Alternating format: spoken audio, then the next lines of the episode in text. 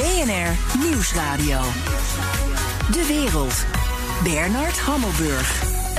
Welkom bij het beste binnenlandse programma over het buitenland. Straks heeft Alexei Navalny met de terugkeer naar Rusland zijn hand overspeeld. Daarover Dirk Sauer, uitgever van de Moscow Times en columnist bij het Parool. Maar nu eerst. To all those who did not support us, let me say this. Hear me out as we move forward. Take a measure of me and my heart. If you still disagree, so be it. That's democracy. That's America. Met de inauguratie van Joe Biden verandert in beide betekenissen het klimaat in Washington. Wat betekent dat voor de relatie met Europa? Ik praat erover met Frans Timmermans, vicevoorzitter van de Europese Commissie en eurocommissaris van Klimaat. Dag meneer Timmermans. Goeiedag, hallo. Um, uh, meneer Timmermans, in, in, is Biden, in, naar uw idee, die vraag hebben we allemaal natuurlijk, de man die de Trump-periode kan terugdraaien, vooral als we zien hoe overweldigend de steun voor Trump en het Trumpisme nog steeds is? Ja, nou, natuurlijk is het een heel erg verdeeld land. En, en de mensen, een deel van de mensen die op Trump hebben gestemd, hebben dat uit, uit wanhoop gedaan. Dus het zal ervan afhangen of uh, president Biden in staat is om iets aan die wanhoop te doen. Dus of hij in staat is om snel verbeteringen bij de bestrijding van de pandemie aan te brengen. Of hij in staat is uh, om snel, uh, zeg maar, um, mensen weer aan het werk te krijgen. Um, uh, en dan heeft hij een kans om ook twijfelaars of mensen die uh, niks in hem zien, uh, naar, aan zijn kant uh, te krijgen. En ja. ik vond dat hij dat gisteren ook heel mooi verwoordde. Ja, maar ook, ook, dat, ook al die mensen die ervan overtuigd zijn dat hij de, de verkiezingen heeft gestolen. Hoe krijg je in een samenleving zo'n gevoel weg? Ja, kijk, dat, je ziet nu wel al op een aantal sites, uh, uh, zoals Parley en, en de QAnon, van hey, hey, zijn we niet belazerd? Zijn we niet belazerd? Um, dus er is misschien toch al, ook al een begin van besef dat het misschien toch niet allemaal waar is wat ze is voorgehouden.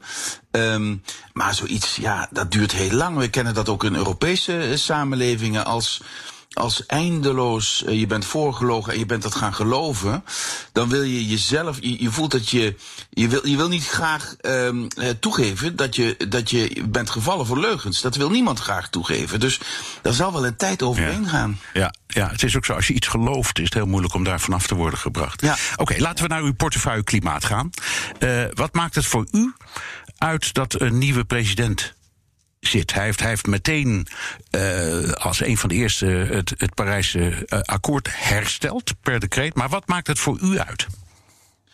Nou, kijk, wij moeten einde, tegen het einde van dit jaar, in november, in, uh, in Glasgow, moeten we met de wereld afspraken zien te maken van hoe we het uh, Parijsakkoord ook overeind houden en invullen.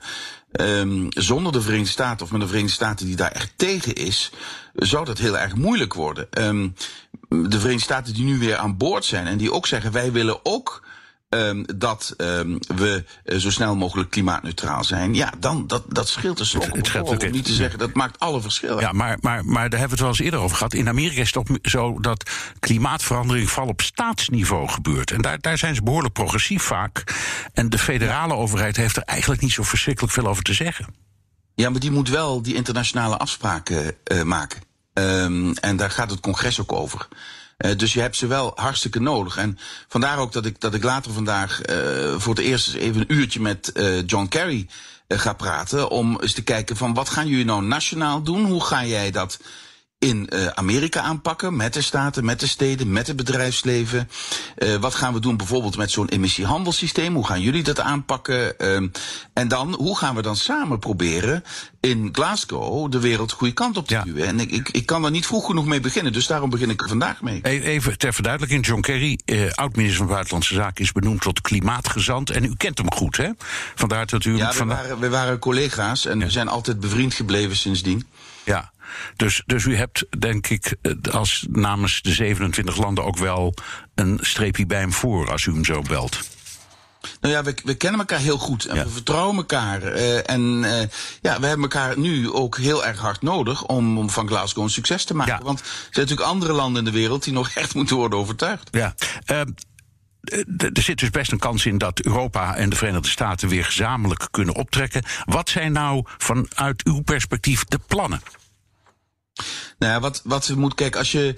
uh, toe wil werken naar die klimaatneutraliteit, dan moet je nu gaan beginnen. Want het is, het, het is zo'n um, unieke tijd. Uh, de beslissingen die we nu nemen, uh, die, die wij, die nu de verantwoordelijkheid hebben, nu nemen, die zijn bepalend voor over hoe onze kleinkinderen strakjes in de wereld staan. En wat voor wereld ze staan.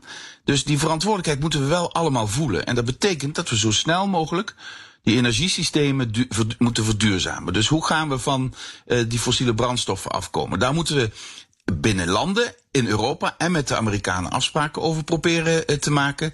Uh, je moet ook kijken wat gaan we doen om het belastingssysteem overal zo te hervormen dat dat groene groei stimuleert. Uh, hoe gaan we met het bedrijfsleven samen en met de vakbonden ervoor zorgen dat bedrijven ook verduurzamen en naar een circulaire economie uh, toewerken? Dus een economie die zich afhankelijk, uh, onafhankelijk maakt van iedere keer weer nieuwe grondstoffen. dat zijn allemaal hele concrete dingen en die vallen neer in hele concrete beleidsafspraken. Bijvoorbeeld over hoe zet je een prijs op koolstofuitstoot? Hoe doe je dat? Wij hebben daar een emissiehandelssysteem voor. Dat werkt eigenlijk hartstikke goed. Hè. Dat zijn dus, je hebt rechten op uitstoot en daar betaal je voor. En hoe meer je uitstoot, hoe meer je betaalt. Dus dan word je echt gestimuleerd als bedrijf om minder uit te stoten. De Amerikanen hebben uh, op bepaalde plekken in de Verenigde Staten ook zo'n systeem. Maar die moeten ook op federaal niveau zoiets afspreken. En daar wil ik meteen met hem over ja. praten, met John Kerry. Ja, dat, Hoe gaan jullie dat doen? Dat, dat, sluit aan waar we het net over hadden. Op staatsniveau gebeurt er al veel. Maar het moet ja. wat u betreft toch echt federaal ook gebeuren. Ik begrijp het ook, want internationaal zijn die staten natuurlijk niet zo sterk. Daar heb je een, nee. een, een, een, federale kracht voor nodig.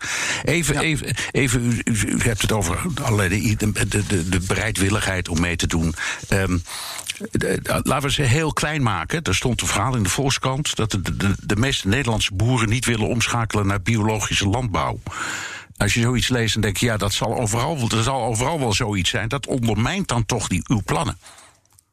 Nou er zijn natuurlijk uh, op verschillende plekken uh, sectoren, en uh, landbouw is er één van, waar men twijfelt of dit wel haalbaar is en waar men ook bang is voor het eigen inkomen en de eigen toekomst. En het is dan aan ons om die sectoren te overtuigen om deze beweging mee te maken.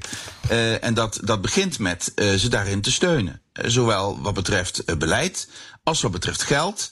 Uh, als wat betreft onderzoek en andere zaken. En ja, we zijn helaas nog niet zo ver dat we uh, de hele landbouwsector daarvan hebben overtuigd.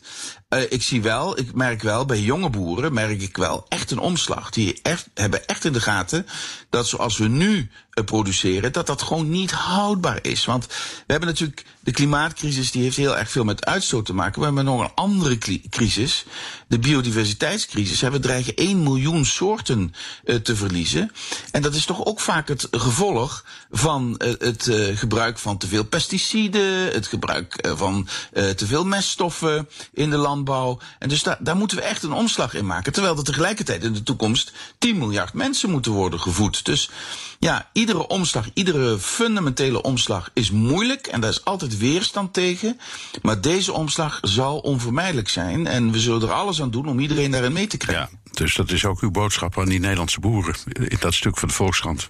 Dat was een behoorlijk ja. onderzoek en dat is echt een heel, maar een heel klein percentage van die boeren eh, die daar aan mee wil doen. Dat, dat moeten dan alleen de piepjongen zijn, als ik u begrijp. Ja, maar, maar het, het heeft ook te maken met, met, met decennia lang van uh, tegen boeren zeggen. Hoe intensiever de landbouw, hoe beter. Uh, hoe meer je uit een hectare grond kunt persen, hoe beter. Hoe meer je uit een koe kunt halen, hoe beter. Uh, maar wat je dan uh, als eindresultaat hebt, is dat je wel een zeer productieve landbouw hebt. Maar ook met enorme uh, effecten op bijvoorbeeld op stikstof, op nitraat en op andere zaken die zeer belastend zijn voor het milieu. Dus we moeten ook um, de landbouw helpen om te produceren op een manier die in evenwicht is met onze natuurlijke omgeving. Overigens. Heel veel Nederlandse boeren zijn daar wel al heel hard mee bezig. Ze geloven alleen nog niet in het eindplaatje. En Daarvan moeten we ze nu in de komende jaren gaan overtuigen. Ik hoop dat we ook voor de zomer een, een akkoord hebben over hoe we het Europees landbouwbeleid stapsgewijs gaan hervormen. Uh, daar zijn we nu over in onderhandeling met, met de lidstaten en met het Europees Parlement. En dan hoop ik dat we de boeren ook echt perspectief kunnen bieden. Ja, even, even Ehm, eh, terug naar Biden, want dat was de aanleiding uh, om te praten met u en u over klimaat en wat er in Amerika verandert. Biden heeft ook ja, met hele enorm, met zware, ik zal maar zeggen, weerstand te maken. Dat is gebleken in de periode Trump. Daar is enorm ingezet op het behouden van de traditionele industrieën, bijvoorbeeld in de olieindustrie. En dat is met gejuich omarmd. En Trump zei dan ook: wij zijn nu de grootste olieproducent ter wereld. En los van wat je daar politiek van vindt. Uh, Biden heeft natuurlijk nog een veel groter probleem om die industrie uh, naar zijn hand te zetten dan u bijvoorbeeld met de boeren in Europa. Is dat, ziet u, de, dat, ziet u hem daartoe in staat? Want, want hij verzet zich in feite in de ogen van veel arbeiders in Amerika tegen de arbeider in Amerika. Ja, maar, maar het, het, het feit is dat veel van die industrieën al in de gaten hebben uh, waar de toekomst ligt. En uh, we hebben het over industrieën waar als er investeringen moeten worden gedaan, dan moet men denken aan een termijn om het terug te verdienen van 20, 30, 40, 50 jaar. En die industrieën die, die kijken ook wat er gebeurt. En je ziet ook dat grote investeerders die maken de switch naar duurzaamheid. En over, over Trump nog één ding. U weet ook nog dat hij aan het begin zei, eh, toen hij president werd, ik breng kolen weer terug. Nou, er is nog nooit zo snel een teruggang in de kolenproductie uh, heeft er plaatsgevonden als in de afgelopen vier jaar in de Verenigde Staten. Ja, maar dat komt, dat komt, dat komt, dat komt omdat de retoriek inhaalt. Ja, maar dat komt omdat de president daar niet over gaat. Maar de staten, dat beslist de staat Wyoming of West Virginia of, of, uh, of Wyoming. Daar gaat hij helemaal ja, maar, niet over. En daar, maar, daar, maar, daar kreeg hij, daarmee werd hij geconfronteerd. Ja, dus dus eigenlijk hoopvol. Maar dan, maar dan kom je bij de kern van populistische politiek. Je belooft mensen dingen waar je niet eens over gaat en die je zeker niet kunt waarmaken. Dan zijn mensen teleurgesteld dat het niet gebeurt. En dan ga je naar een zondebok zoeken, dat ben jij nooit, die dat veroorzaakt heeft. En dan kom je in die spiraal terecht waar ook de Verenigde Staten in terecht is gekomen, waardoor er nu een diep verdeelde samenleving is. Dus ja, er is echt behoefte aan uh, politici en bestuurders die gewoon mensen geen rad voor ogen draaien. En, en dat belooft uh, Joe Biden en, en ik, ik geloof hem ook daarop. Ja, nou, er kwam meteen al een conflict, want hij heeft de omstreden Keystone XL pijpleiding vanuit Canada, daar, die heeft hij dichtgedraaid, per decreet, onmiddellijk. Uh, met als gevolg dat Trudeau, de premier van Canada, met al meteen woest op hem is. Ja. Ja, dus... maar, maar, kijk, als je, ze, we moeten ons er ook op voorbereiden, ook in Europa. En daar moeten de mensen ook eerlijk voor recht in de ogen kijken. Dit is een fundamentele uh, transitie van hoe wij produceren, hoe wij consumeren, hoe wij leven. En dat gaat met wrijvingen gepaard, die uh, transitie, omdat we geen tijd hebben. Als we hier 100 jaar over konden doen, oké, maar die tijd hebben we niet. Dus we zullen grote keuzes uh, moeten maken en daarin zullen we de meerderheid van de bevolking mee moeten zien te krijgen. Dat is, denk ik, een, een, een epische uitdaging voor uh, bestuurders uh, van onze generatie. Maar het is wel nodig. Want wat voor een wereld laten we anders voor onze kinderen en kleinkinderen. Als straks de temperatuur zo gestegen is dat allerlei uh, fenomenen uh, zoals stormen en, en, en bosbranden en uh, mislukte oogsten en droogte niet meer onder controle te krijgen zijn. Dit is BNN de Wereld. Mijn gast is Frans Timmermans, vicevoorzitter van de Europese Commissie en Eurocommissaris voor Klimaat. meneer Timmermans, in december kwam de Europese met al, Unie met allerlei voorstellen om met Amerika samen te werken op het gebied van klimaatveiligheid en ook China. Ehm, moet de Europese Unie dat nu wel willen als je ziet wat voor periode we achter ons hebben? Want uh, de, ja, ik zeg het, het, het, afscheid van Trump en de komst van Biden, dat is flinterdun geweest, kan zo weer omslaan. Ja, daarom moet uh, Europa ook op zijn eigen zaak letten. Amerika is onze bondgenoot. Uh, is het werelddeel dat uh, absoluut de meeste waarden uh, met ons deelt, staat dichter bij ons dan andere delen van de wereld. En tegelijkertijd, u zegt het terecht, Amerika kan ook een andere koers kiezen. dus moeten we ervoor zorgen dat wij ook in staat zijn om uh, onze eigen weerstand te vergroten. Dat we ook beter voor onszelf kunnen zorgen. En uh, ja, daarom moeten we ook afspraken maken met andere spelers in de wereld. Daarom kunnen we de afspraken met China niet afhankelijk maken van goedkeuring uh, door de Verenigde Staten. Daar moeten we een eigen lijn in trekken. En zo moeten we proberen een internationaal systeem te vernieuwen. Dat toch ook een enorme knauw heeft gehad door vier jaar Trump, die eigenlijk uh, puur transactioneel bezig was, die alleen maar bezig was met deals en die niet keek naar welke waarden delen we eigenlijk en, en hebben we elkaar niet nodig in de toekomst. Dus nee. Ja, Europa zal op zijn eigen zaak. Ja, oud-premier van Italië die zei, vond ik wel aardig. Die zei: de welke kant Amerika uitgaat hangt af van een paar duizend stemmen in Arizona en Georgia. Dat is het. Ja, ja. Nou ja, goed. Ik, ik vind. Uh, uh, natuurlijk is dat land uh, zeer uh, verdeeld. En de wonden gaan ook diep. Omdat. Kijk, die wonden die zijn natuurlijk niet vier jaar geleden ontstaan. Trump is een resultaat van een ontwikkeling. En die heeft hij versterkt als een soort katalysator. Maar die ontwikkeling was natuurlijk al heel lang aan de gang. Sinds de jaren tachtig. Waarbij uh, zeg maar, uh, vooral, uh, als ik het heel kort moet samenvatten, de uitholling van de middenklasse de belangrijkste oorzaak is. Ja. En die zag hij en die sprak hij toe en, dat, en die hebben hem omarmd. Dat is absoluut een feit. Ja, precies. Ja, en daar zit de uitdaging. Even, uh, een van de dingen die hij ook heeft gedaan, en dan, dan komen we eigenlijk weer op de verhouding terecht, is een streep zetten door TTIP, dat handelsverdrag tussen Europa en de Verenigde Staten. Hij was niet de enige die bezwaar had. Trouwens, ik herinner me dat uh, minister Ploemen destijds van Buitenlandse Handel ook al zei van nou, ik, ik, ik ben er ook niet weg van. Er zit wel heel erg veel uh, bezwaren tegen. Maar goed, is mislukt. Um, en het verhaal gaat dat, dat Biden wil inzetten op een TTIP 2.0, zo gezegd. Een wat vereenvoudigder vorm. Ziet u daar kansen voor? Nou, we zullen in ieder geval uh, over handel met de Amerikanen afspraken moeten maken. Maar er zijn een paar dingen veranderd. Het eerste wat is veranderd is dat handelspolitiek niet meer iets is van bedrijven en politici zonder dat de burgers daar uh, iets van vinden. Uh, uh, aan beide kanten van de oceaan zijn mensen echt iets gaan vinden van vrijhandel en van handelspolitiek. dus het is een veel meer inclusief proces geworden. Je moet ervoor zorgen dat je mensen daarin meekrijgt. En dat is in de afgelopen jaren niet gelukt. in veel Europese landen is fundamentele kritiek überhaupt tegen afspraken over handel. Dus daar moet je mensen mee overtuigen met duidelijke afspraken. Het tweede wat is veranderd is natuurlijk de klimaatcrisis dicteert een ander soort handel. Handel moet gebaseerd zijn op het bereiken ook van uh, klimaatdoelen. Onder andere uh, moet handel er ook voor zorgen dat die ontbossing uh, stopt in de Amazonas, in, in, in Midden-Afrika en, en in Zuidoost-Azië.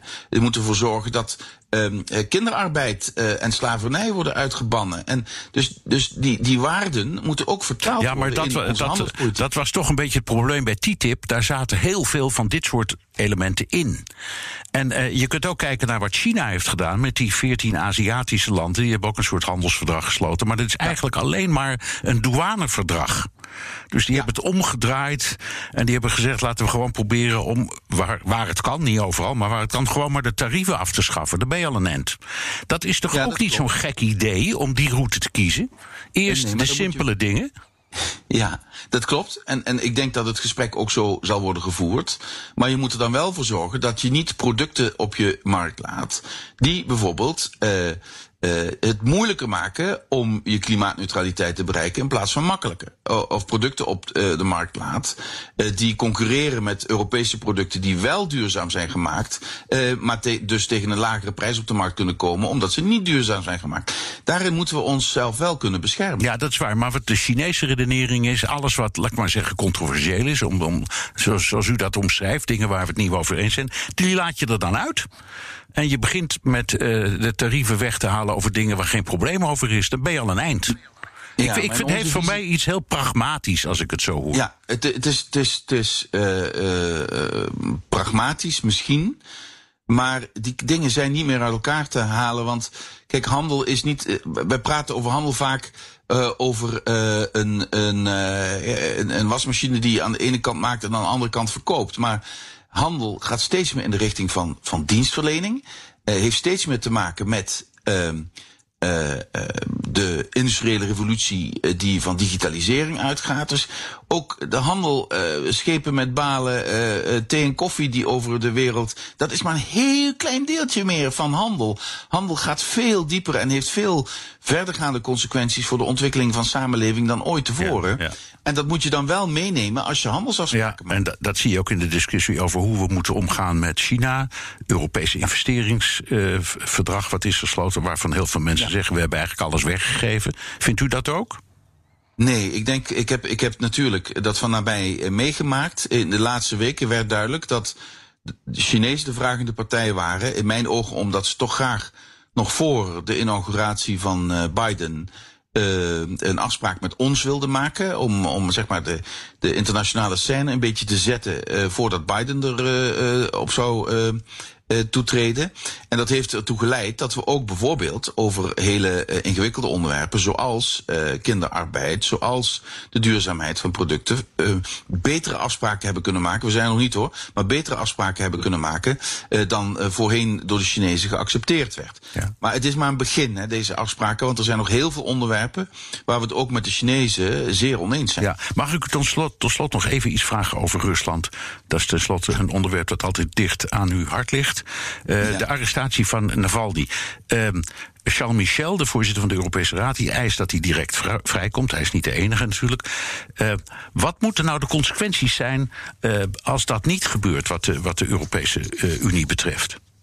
Nou ja, we hebben natuurlijk nu een aantal instrumenten, ook in relatie met Rusland, die we in kunnen zetten. Hè. We hebben ook mede uh, op initiatief van Nederland uh, de zogenaamde Magnitsky Act uh, die we daarvoor kunnen gebruiken. Ja, naar Amerikaans model. Ja. ja, dat zullen de landen met elkaar moeten bespreken of ze dat willen. Um, ja, u, u weet, ik, ik, ik, ik, volg Rusland al heel erg lang. Ik heb er ook drie jaar gewerkt. Uh, voor mij is één ding duidelijk. Um, je moet nu dit zeer hard veroordelen in duidelijke termen. En vervolgens moet je dat gewoon in Moskou rechtstreeks tegen ze zeggen. En dan het gesprek met ze aangaan. Want uh, uh, wat er ook nu. Kijk, Rusland is niet zo stabiel als het lijkt. dat heeft er alles mee te maken dat ze nu zo reageren. Onaanvaardbaar. Uh, maar ze hebben ons nodig. Ze hebben ons nodig, al lijkt dat soms niet zo. En dus moet je dat gesprek ook uh, rechtstreeks met ze aangaan van hoe kunnen we ervoor zorgen dat jullie je eens wat beter gaan gedragen op dit gebied. Ja.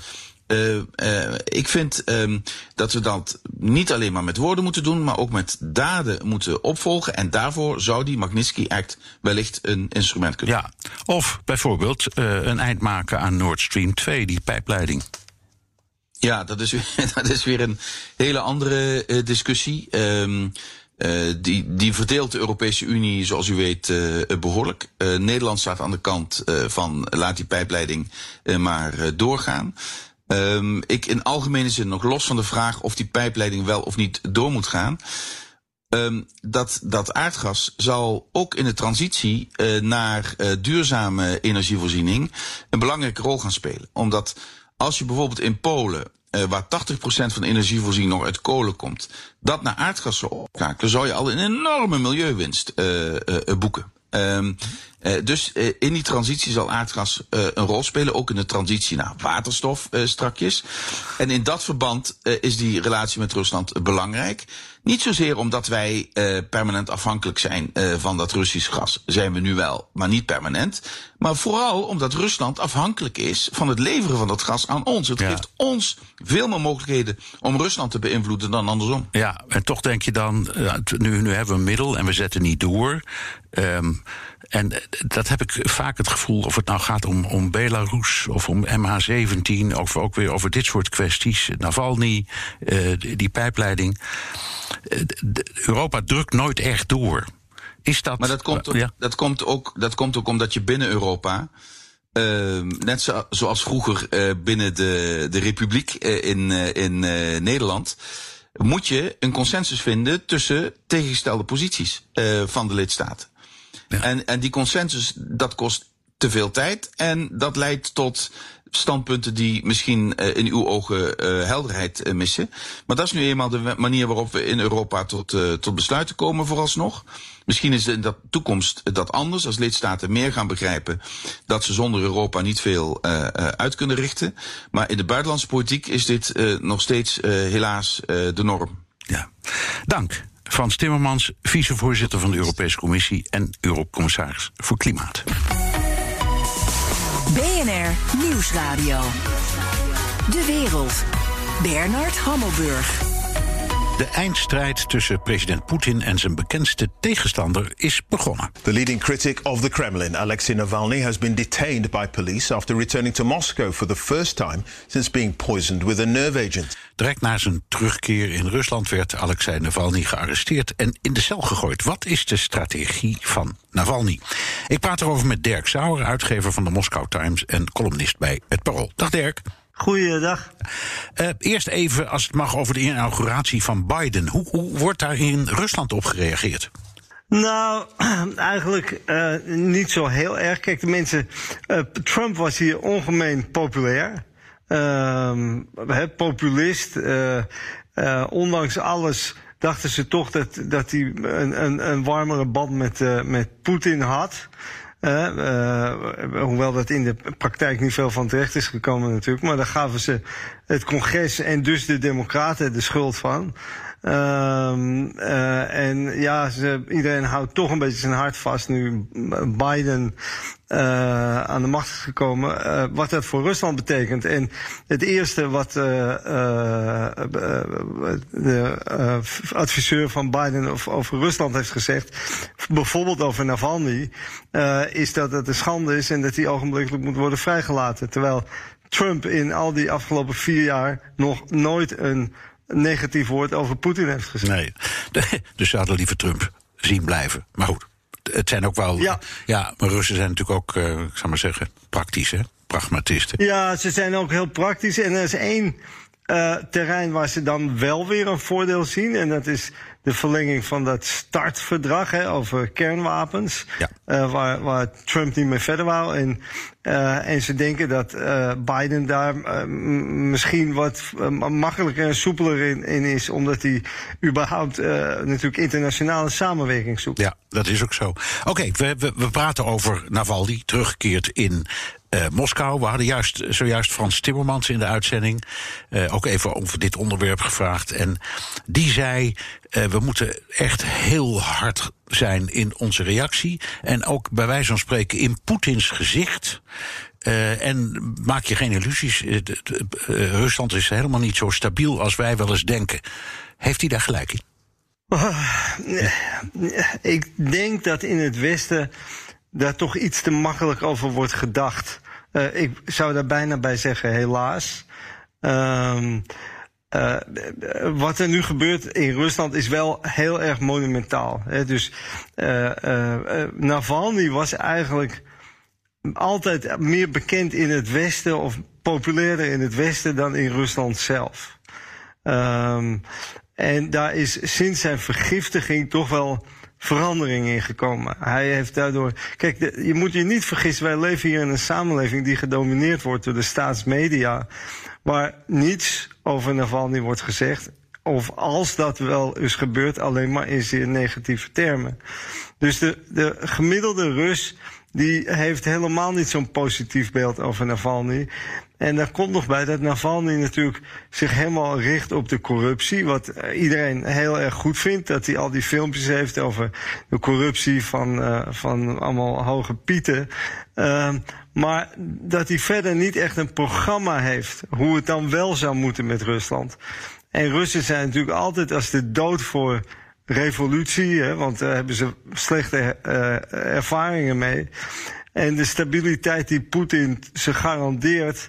Uh, ja, uh, daar geven ze voorlopig toch nog de voorkeur aan. Ja, dus om het samen te vatten, uh, Timmermans, ondanks zijn vloeiende Russisch en zijn ervaring in Rusland, die ziet het toch iets te simpel. Dat is, dat is uh, wat je zegt over Rusland. Nou ja, misschien iets te optimistisch. Iets kijk, kijk, het is wel zo, het is wel zo, wat ik al zei, dat het sinds zijn vergiftiging er toch wel iets heel ja er is iets echt veranderd, een game changer. Ja, maar goed. En, en, ja. sorry. Nee, nee, ga je gang. Maar wat, wat ik wou zeggen, wat, wat is nou de strategie van Navalny? Want uh, we begrijpen, we komen direct wel over Poetin te spreken en hoe die dit ja. aanpakt. Maar uh, Navalny die, die ging naar, naar Moskou en hij, kon, hij wist van tevoren, zou ik zeggen, dat hij gewoon zou worden opgepakt. dus wat, wat, wat denk je dat hier speelt? Nou ja, kijk, je moet je uh, dit, het volgende goed realiseren. Navalny is natuurlijk een paar jaar geleden, toen die grote protesten waren, stond hij een beetje op zijn hoogtepunt. Toen heeft uh, Poetin en, en, en het gezag ontzettend hard ingegrepen. Mensen enorme gevangenisstraffen gegeven. En, en het verzet eigenlijk, de protesten, keihard de kop ingedrukt. En toen is daarmee Navalny ook wat naar de achtergrond verschoven. Ehm, en hij heeft een soortement comeback gemaakt met een nieuw idee. En dat noemde hij smart voting. Want onafhankelijke kandidaten die mogen niet eens meedoen hier aan de verkiezingen. Dat zijn allemaal door het Kremlin uh, uh, gefeteerde types. Um, uh, maar maar, maar uh, uh, hij is toen een campagne begonnen dat mensen gingen stemmen op kandidaten die niet van de partij van Poetin waren. Nee, nee precies. Dat, al... ja, in het Verre Oosten herinner ik me. En met succes. Ja. Dus, nou ja, ja, kijk, ook dat, dat, dat, dat was in een paar steden is dat succesvol geweest. Als je het op, op grote schaal bekijkt, dan is nog steeds 9 van de 10 kandidaten die door, door Verenigd Rusland voor zijn geschoven, hebben gewonnen. Maar in een aantal belangrijke plekken, steden, is, is dat inderdaad gelukt. En dat heeft hem een soort nieuwe momentum gegeven. En dat hoopte hij vast te houden tot aan de verkiezingen die aanstaande september plaatsvinden. Want dan zijn de parlementsverkiezingen en die zijn heel erg belangrijk voor Poetin. Ja. En toen, maar, nou ja, en, en de, de, het gezag was natuurlijk alles aangelegen om die uh, in ieder geval niet zo veel mogelijk uh, ja. leven zuur te maken. En toen kwam dus zijn vergiftiging. En dat heeft een, een, een echte dyna, dynamiek veranderd. Ja, en, en, en dus dacht Navalny, ik ben toch uh, wat minder kwetsbaar geworden misschien. Toen hij ja, terugging ik ben naar, natuurlijk internationaal een beroemdheid geworden. Maar ook in Rusland de, hij heeft toen dat, ook dat briljante filmpje gemaakt dat hij uh, uh, zich uitgaf als een KGB'er en, en een andere agent die hem notabene vergiftigd heeft, dat bekende op, op, op camera. Ja. Nou, dat filmpje is, is, is, is 20 miljoen keer bekeken. Dat is natuurlijk gigantisch. Ook in Rusland, is, dus ondanks de staatsmedia. Rusland, ja, in, in Rusland. Dat is hoger dan de kijkcijfers van de, van de staatstelevisie. Ja. Um, dus, um, dus hij, en, en hij dacht, ja, als ik in het buitenland blijf nou volg ik het, uh, eigenlijk het, het, het, voorbeeld of het patroon van andere Russische ballingen. En door de geschiedenis heen zijn er ontzettend veel Russische ballingen. Uh, de, de, onder de Tsar, het Sovjet-regime, uh, en ja. nu onder Poetin. Trotsky en, destijds, ja. Ja, ja, precies. En die mensen die leiden bijna allemaal een gemarginaliseerd leven. Hè? Die hadden niet echt meer invloed op wat er binnen Rusland gebeurde. En het laatste voorbeeld is Khodorkovsky, de oligarch, de kritische oligarch, die in Rusland heel erg fel tegen Poetin was. Uh, die is jarenlang opgesloten in een gulag. En is daarna uh, uh, vertrokken naar Zwitserland. Ja. En daar zit hij nu nog en eigenlijk niemand hoort of luistert meer naar hem. Nee, nee die is gemaakt. Dus dat, dat, ja. dat lot wilde hij voorkomen. En ja. hij dacht, nu heb ik het momentum mee. ik ga nu voluit, ik ga terug. En ja, met gevaar voor eigen leven. Ja. Maar ik ga kijken hoe ver ik kan komen. Ja, oké. Okay, en wat dacht Poetin? Even, even, kijk even door de ogen van Poetin. Die, die, zijn, nou ja, naam, die zijn naam niet uitspreekt. Niemand spreekt nee. zijn naam. Het lijkt net uh, Lord Voldemort ja. uit, uh, uit Harry Potter. De, hij wiens ja. naam wij niet uitspreken of zoiets. Precies. Ja. Hij, heet nu, hij, hij heet nu de patiënt. ja. en, en, en, en, en, daarvoor werd zijn naam. Ah, die man, ah, dus Poetin en, en, en, en de regeringsinstantie hebben nog nooit de naam, het woord Navalny uitgesproken. Uh, dat zegt al iets over uh, de, ja, de, de, haat die zij voor deze persoon hebben. En ja, kijk, die Poetin zat natuurlijk met zijn handen in het haar. Want uh, ja, ze hadden besloten om hem te vergiftigen. En dat is mislukt. Dat was natuurlijk de grootste afgang uh, alle tijden. Of, dat, nou ja, dat was daarvoor ja. in Engeland al gebeurd. Skripal. Um, ja. Met Skripal. Uh, maar nu, nu nog erger, een, een, nog grotere afgang. En dat vlak naast elkaar. Dus die Poetin zat met zijn handen in het haar. Um, ja, en die zit nu, dus ze zitten nu inderdaad uh, met een probleem. Er komt nog eens bij dat eergisteren uh, Navalny met weer een ongelooflijk opzienbarend nieuw filmpje is gekomen. Nou, filmpje. Ik, we, we hebben ernaar gekeken. Een twee komt, uur durende ik wou maar zeggen, het is wel helemaal Ja, Russisch hoor. Daar komt het, Ja. Maar er zit een Ja. fantastische scène in over Ja. het paleis van Ja, Poetin. Met een eigen casino, eh, Ja, een, eh, een strippaal, een mini-racebaan. eh, enfin, is het waar? Het is absoluut waar. En het is vooral. Dat, ik bedoel, eh, eh, eh, elke heel veel presidenten hebben een groot paleis, maar niet van deze omvang en vooral van deze slechte smaak. Hè, dus het, van binnen is het echt, nou ja, de kitsch, de kitsch echt mijlen voorbij. Ja. Ehm, Nee, we, hebben, en- hier- we hebben hier met, nou ja, afwisselend plezier en verba- ook wel verbijstering naar zitten kijken. Ja. Naar, naar die Ja. op YouTube. Kijk, en dat is natuurlijk niet van Poetin zelf. Niets staat op Poetins naam. Nee. En dat laat deze film ook zo goed zien. Dat staat dus allemaal op naam van zijn vrienden. Alleen, het is duidelijk voor hem bedoeld. Ehm, en dat is natuurlijk eh, eh, ja, eh, wat Russen zich ook wel weten. En, en het is overigens niet nieuw, want het bedrijf waar, waar ik werk, mediabedrijf, dat heeft daar al jaren geleden over geschreven. Alleen eh, hij zet het nu allemaal nog eens helemaal op een rij met, met alle details erbij. En, dat, en, en deze film was in, eh, binnen een dag alweer 20 miljoen keer Zo. bekeken. En, en op het moment 30 miljoen. Maar wat nog veel interessanter is dat het ook een gigantische rage is geworden onder jongeren op TikTok. Ja. Eh, TikTok is het grootste sociale eh, mediakanaal nu in Rusland. En daar eh, is in de afgelopen twee dagen 70 miljoen keer over, get, over getiktokt. Over, over, over, dat, over de- nou ja, en dan kunnen we toch moeilijk zeggen dat hij gemarginaliseerd is, Navalny. Als je dit zo allemaal zo stelt. Precies, Ja. precies. Dus, dus ja, die Poetin die zit nu wel met een probleem. En, en, en Navalny gaat maar door, want hij heeft nu voor aanstaande zaterdag, dus overmorgen, opgeroepen om de straat op te gaan. In 50 steden zijn er al demonstraties aangekondigd. Ehm, en ja, de enige, het enige wat ze kunnen doen is repressie. Want daar zijn ze heel erg goed in. Ja. Bij het Kremlin. En er komt net nu wij dit telefoon beginnen.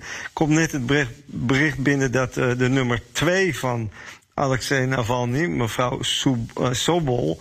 net is gearresteerd. En ze hebben dus ook al aangekondigd dat ieder, die, die protesten die zijn allemaal verboden.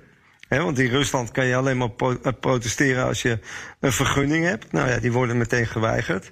Dus alle demonstraties zijn verboden. En ze hebben nu al aangekondigd dat ze overal keihard gaan optreden. Ja, maar is, is als het zo is dat Navalny, zoals je in het begin van het gesprek zei, nou ook niet zo bekend is als wij denken, of misschien niet zoveel invloed is, maar dat draait nu vanwege dat filmpje en andere filmpjes. Ehm, is het dan handig van eh, het Kremlin om eh, zo, zo monddood te maken? Ik, Nou ja, dat is- ik zou, nou, Ja. is misschien westers geredeneerd, maar ik zou ze- zeggen: geef ze een of ander totaal onbelangrijk kanaal en laat ze maar lekker in hun gang gaan. Ehm, Nou ja, dat is, dat is natuurlijk precies het probleem van Rusland. Eh, handig, dat kennen zij niet. Of eh, eh, oh, repressieve tolerantie, zoals wij dat vroeger noemden. Ehm, ruimte geven aan de oppositie. Dat komt gewoon niet, want het zijn allemaal KGB'ers. Of dat heet dan tegenwoordig de FSB. Maar het zijn allemaal oud-KGB'ers die de dienst uitmaken in dit land. Ja. En die kennen maar één eh, spelregelboek. En dat is gewoon de kop indrukken. En dat is de automatische reactie die ze hier hebben. En dat kunnen ze ook heel lang volhouden. Want je moet je natuurlijk wel realiseren dat er een ongelooflijk repressief apparaat is. Ja, Ehm, maar aan de andere kant, daar hebben we het in het verleden ook wel eens eh, over gehad. Als Russen ergens verstand van hebben, dan is het het gevaar van een revolutie. Want die kan met maar een handjevol mensen ontstaan. Ja. En Ja. daar moet ik ook denken als ik jou zo hoor praten. Als ik over Navalny en, zijn, en die mevrouw die dan net is opgepakt. Het is maar een heel Ja. klein groepje, maar misschien toch levensgevaarlijk. Ja, maar ik denk ooit wel, maar ik denk op dit moment nog niet. Ehm, en daar heb ik een aantal redenen voor. Eh, allereerst leven we nu ehm, in een gigantische crisis, ook hier in Rusland, corona. Ehm, overal om je heen. Dus mensen zijn uh, angstig, uh, voorzichtig. Dat is één. Twee, is het natuurlijk een enorme economische crisis. Hè? De, want hier is niet zoals in Nederland. Dat als je een bedrijf hebt en, en, en, en je ligt stil, dat dan de overheid je personeel betaalt. Je krijgt helemaal niks. Je moet het maar uitzoeken. Um, dus het water staat bij heel veel mensen aan de lippen. Um, en, uh, uh, en de angst voor het gezag hier is toch nog steeds heel erg uh, aanwezig. En Poetin heeft dat natuurlijk in de laatste jaren heel erg goed georganiseerd. Die is hier gewoon op voorbereid. Die heeft een nationale garde van honderdduizenden mensen. Dus dat, dat, dat is niet de politie, dat is niet het leger, maar dat is een speciale uh, militaire macht die helemaal is ingericht op het onderdrukken van binnenlandse uh, opstanden of protesten enzovoort. Ja. Nou, um, mijn conclusie kan alleen maar zijn: dat het is goed om vaak met jou te praten, want wij snappen van Rusland nog altijd bitter weinig. Dus ik zou zeggen, dank Dirk Sauer, uitgever van de Moscow Times en columnist bij Het Parool. De Joe en Donald Show. Tijd voor de allerlaatste alweer, Joe en Donald Show... met onze correspondent in Washington, Jan Posma. Dag Jan. Dag Bernhard. Ja, Amerika wordt wakker met een nieuwe president. Wat schrijven de kranten? Nou, het is allemaal weer uh, groot en, en, alles is weer historisch, uh, Bernard. Uh, met, met veel grote chocoladeletters en veel citaten uit beide speech ook natuurlijk. De New York Times die schrijft... Democracy has prevailed. Biden vows to mend the nation. En met een foto van de Bidens die elkaar omhelzen. Een mooie foto voor de deur van het Witte Huis. Washington Post heeft het over Unity is the path. Met aandacht voor history making Harris. Foto van het afleggen van de eet. En ja, zoals altijd, hè, wij zijn fans van de New Yorkse tabloids, van de koffers daarvan in ieder geval. Uh, dus die noem ik even uh, nadrukkelijk. De New York Post. Joe is in the house. Ja. mooi. Uh, foto van Biden met een stapel decreten naast zich. En de Daily News. Foto van Trump, vuist in de lucht, terwijl hij in Marine One stapt, de helikopter. Dus dat doet ons meteen aan Nixon denken. Hè. Tekst erbij. And don't come back. Ja, ja, ja. Dat is, dat is wel even, even on, on, onder de hoofdkop van de Washington Post stond vanaf het moment dat Trump aantrad. Democracy dies in darkness. Is dat er afgehaald? Ja. Nee, volgens mij staat dat er nog. Dit, nog. dit, wordt de nieuwe slogan. Dus, uh, of blijft de nieuwe slogan, zal ik maar zeggen. Ja. Even over Fox News. Ik heb er naar veel naar gekeken, jij ook. Wat is jouw beeld van de manier waarop Fox News, toch, toch jarenlang de steunpilaar van, van Trump, het doet?